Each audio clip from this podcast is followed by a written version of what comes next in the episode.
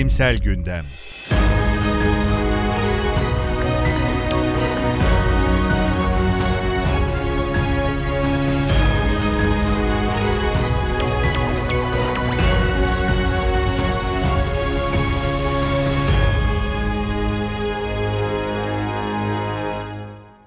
Abdi İbrahim'in hazırladığı Bilimsel Gündem'in 34. sayısına hoş geldiniz.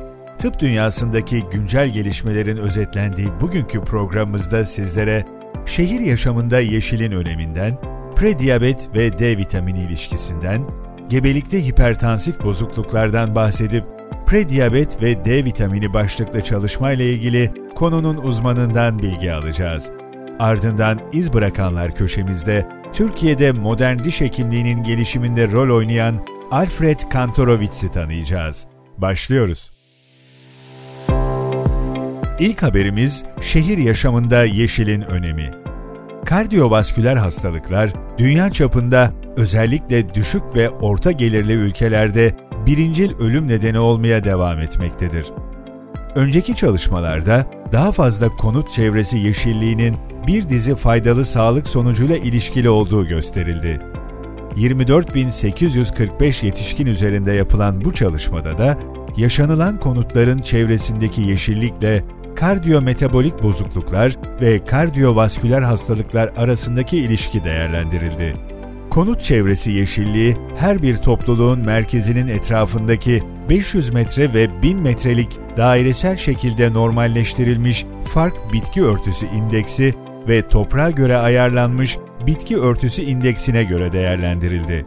500 metre içindeki normalleştirilmiş bitki örtüsü indeksindeki artış, kardiyovasküler hastalık ve kardiyometabolik bozukluklar için %27 daha düşük olasılıkla ilişkilendirildi. Bu makale JAMA Network Open'da yayınlanmıştır.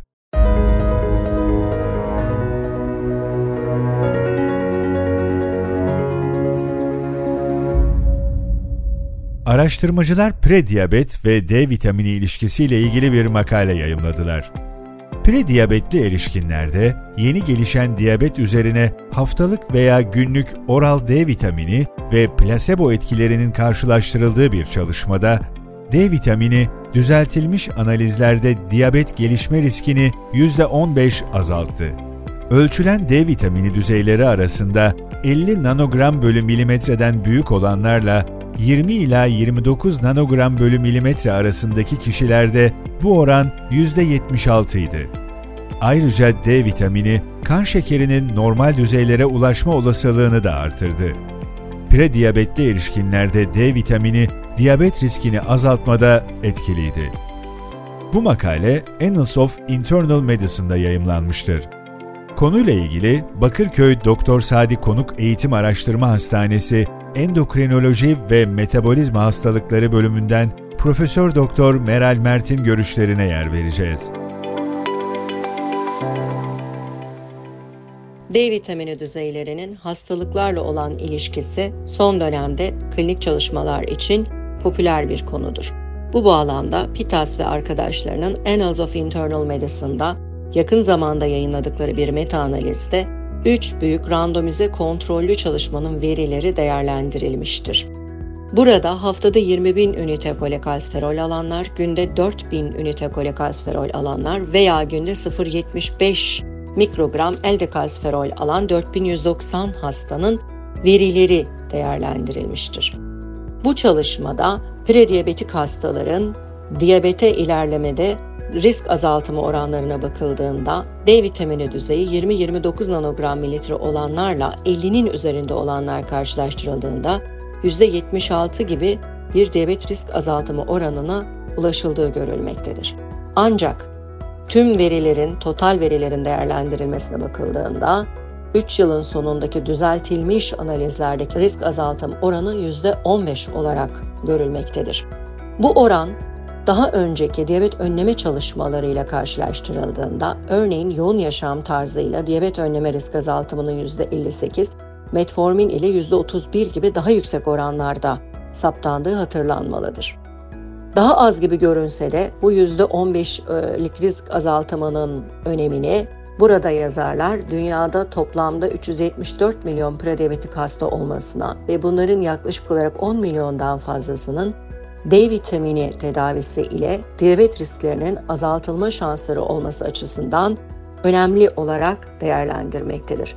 Bu çalışmada D vitamini düzeylerinin 50 ila 74 nanogram mililitre arasında olduğunda diyabet riskinin azaltıldığını söylemektedir. Ancak bu grubun spesifik bir grup olduğunu, genel popülasyon için önerilen D vitamini düzeyinin de 30 ila 50 nanogram mililitre arasında olduğunu hatırlatmakta yarar var.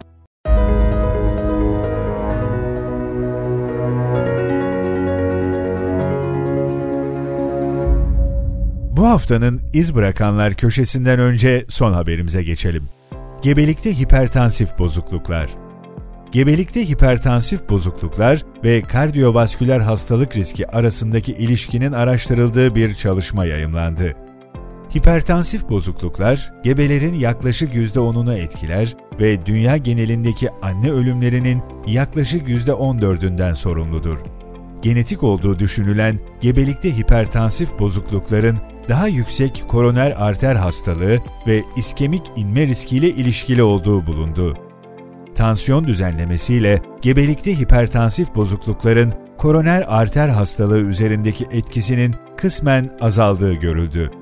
Gebelikte hipertansif bozukluklarla kalp yetmezliği veya atriyal fibrilasyon arasında bir ilişki olmadığı kaydedildi.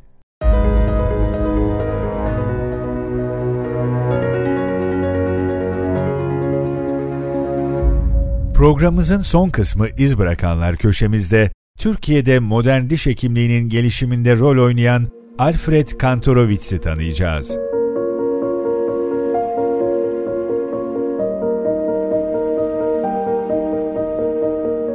Ben Alfred Kantarowicz.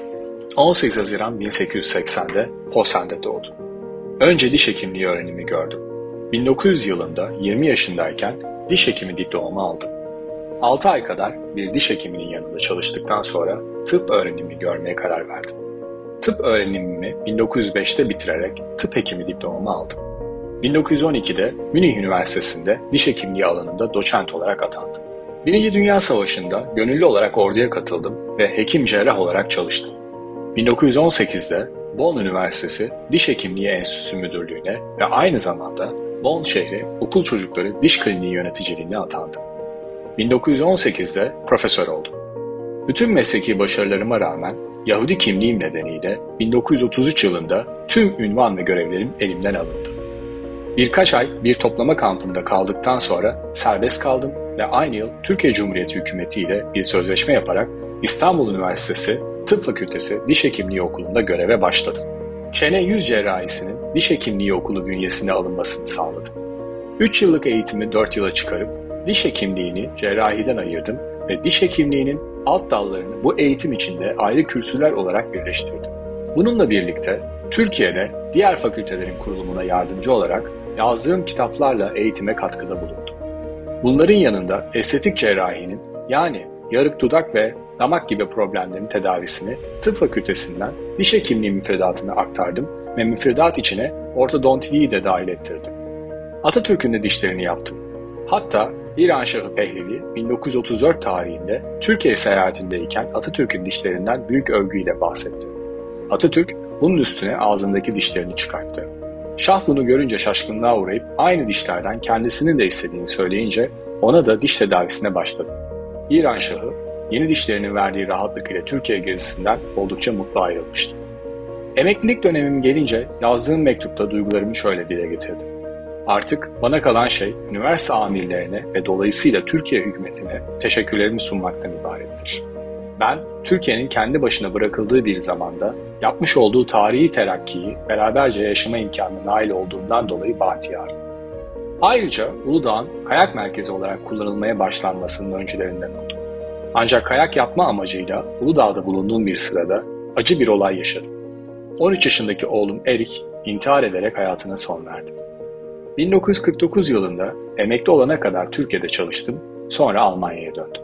1962 yılında 82 yaşındayken aramızdan ayrıldım.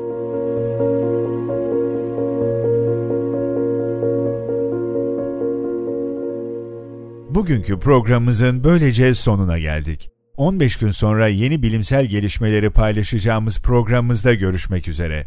Bizleri Spotify, YouTube, Google Podcast ve Anchor resmi hesaplarımızdan takip edebilir, abone olarak yeni sayılar yayınlandığında bildirim alabilirsiniz.